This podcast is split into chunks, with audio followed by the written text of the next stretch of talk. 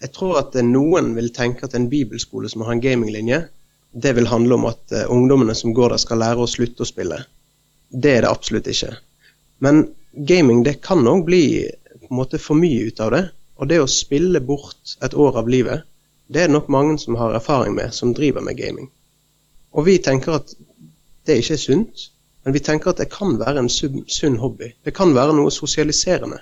Det kan være noe som fører nærmere Jesus, rett og slett. Og, og det tenker vi at vi vil både legge til rette for og jobbe mot. Men hvorfor er det relevant for akkurat en bibelskole å ha en uh, gaming, eller altså dataspillinje? Mm. Jeg tror at det er relevant fordi gaming det er veldig mye større enn en gjerne skulle tro.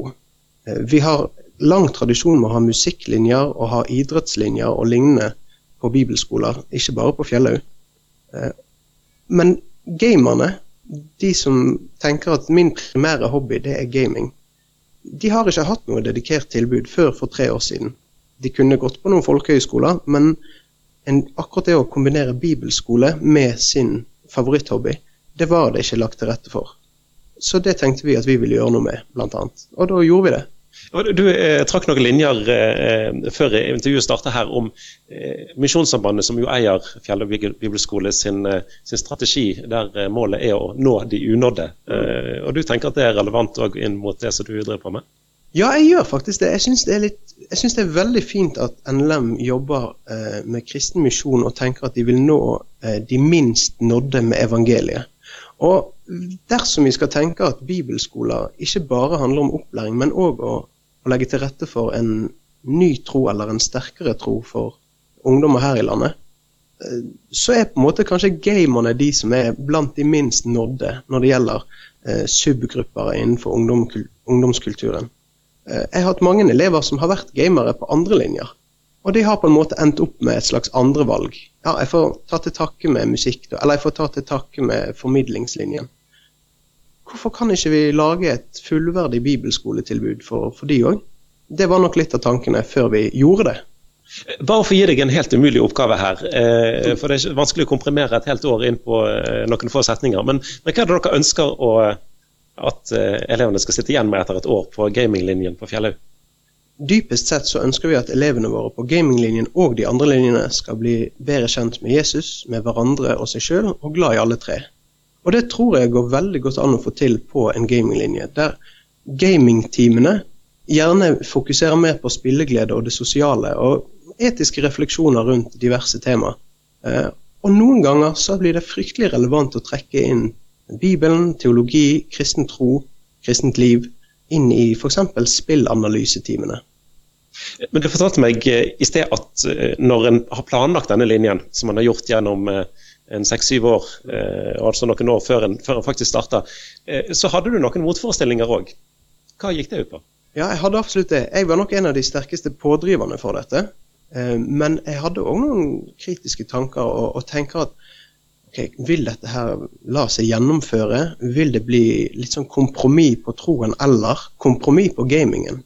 Eh, som sagt så ønsker ikke vi at dette skal være et sånn avrusningstilbud for gamere som spiller for mye. Eh, og, og, og, vil folk være interessert i det i det hele tatt? Det kan jo hende at gamere tenker at bibelskole er ikke noe for dem, eller at de som tenker at det kunne vært noe, uansett vil droppe det der gaming-greiene.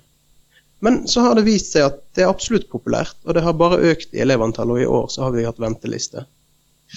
En eh, nokså opplagt eh, motforestilling mot en gaminglinje på bibelskole er jo at mange av de mest populære spillene er ganske, altså det er type skytespill og ganske sånn voldelige spill. Hvordan forholder en seg til det? Mm. Ja, og det Du har et veldig gyldig poeng der. Eh, det jeg tenker er veldig optimalt med en gaminglinje, at her har vi mulighet til å angripe den problemstillingen sett innenfra. Istedenfor det som jeg har opplevd i mange kristne sammenhenger man gjør, at man ser på det litt sånn som en fremmed greie. Ja, jeg vet ikke helt hva det er, men jeg tror jeg er imot det. Eh, Senest i forgårs leste jeg i Morgenbladet en artikkel om at KFK KFUM nå skal satse på et profesjonelt e-sportlag Altså et profesjonelt dataspillag til konkurranser i et skytespill. Og selvfølgelig kom det spørsmål om akkurat det samme der fra journalisten. Og jeg tror det at kanskje en skal ta og, og, se litt nærmere på er dette voldsspill, er det volden som er det sentrale? Eller minner det mer om en digital form for eh, politi og røver, eller konglekrig, som jeg lekte da jeg var liten? Eller vi peker på hverandre og sier 'pang, du er død, du må telle til ti'. Ja, i den digitale kultur kalles det å respawne. Eh, er forskjellen så veldig stor? Selvfølgelig er det vold, eh, voldstematikk i, i, dataspill som er problematiske, men da må vi ta det problemet og diskutere det. Familie og media hadde òg en veldig grundig eh, nummer av sitt eh, underveis Eller hva er det det heter? Som, jeg husker ikke tidsskriftet. På bølgelengde, tror jeg. Ja, takk skal du ha. Beklager det. Eh, veldig bra nummer om akkurat dette med vold. Og jeg, jeg, slutter meg til den lederen der som sier at her må vi tørre å ta diskusjonen. Og vi må gjøre det litt grundig. Og det har vi et helt år på på bibelskolen å, å ta, og det tror jeg er veldig bra. Jeg har en gjest til her, i tillegg til Andreas Ruud, som altså er kontaktlærer for eh, bibelgaming og digital kulturlinjen på bibelskolen på Fjellhaug. Og det er Inger Hauge. Eh, du er, jobber til daglig på Fjellhaug internasjonale høgskole med administrasjon der, men er her i egenskap av å være gamer sjøl.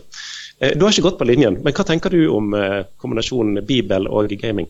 Ja, jeg er jo blant de som Andreas snakket om, som kanskje tok til takke med et andre valg da jeg skulle ha et år da jeg var ferdig med videregående. For Som oppvokst som banditt så er jo jeg selvsagt glad i musikk, men den virkelige personen for min del er jo gaming. Så det er klart at det hadde den linja eksistert da jeg skulle, skulle, begynne på noe etter videregående for 10-15 år siden, så hadde jo jeg definitivt hoppa på det, det tilbudet.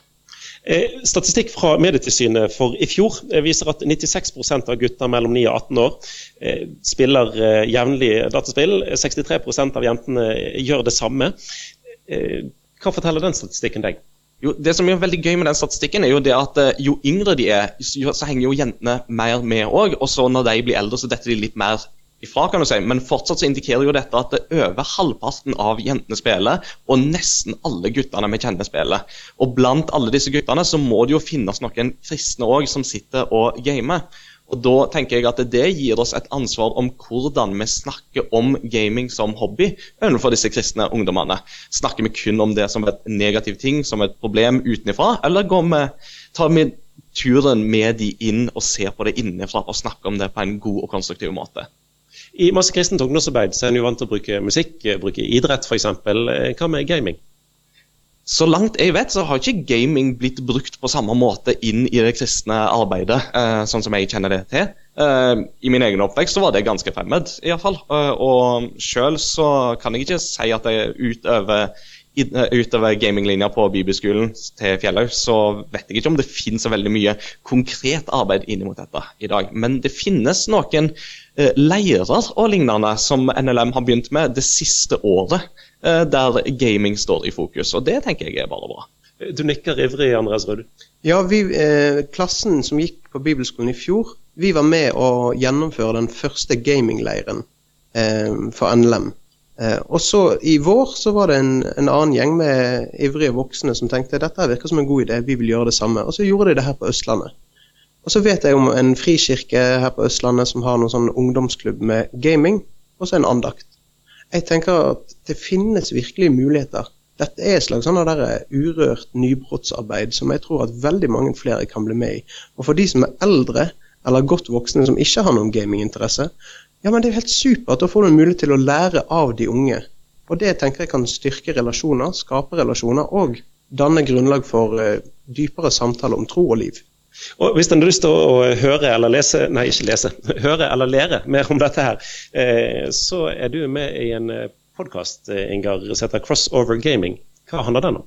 Jo, eh, Crossover Gaming vi begynte for nesten ganske nøyaktig ett år siden. Eh, og består da av eh, meg og en av kollegaene til Andreas Ruud her, og så en tredjemann som sitter nede i Kristiansand. Og Fellesnevneren er at vi er tre kristne, jeg vil tørre å si godt voksne eh, karer, som alle kjenner på det å leve både som kristne og som gamere, og har et behov for å synliggjøre at det, dette går faktisk an å kombinere, og dette går an å leve med begge deler. Og istedenfor å måtte si et enten-eller, så er vi en sånn hvorfor ikke begge deler.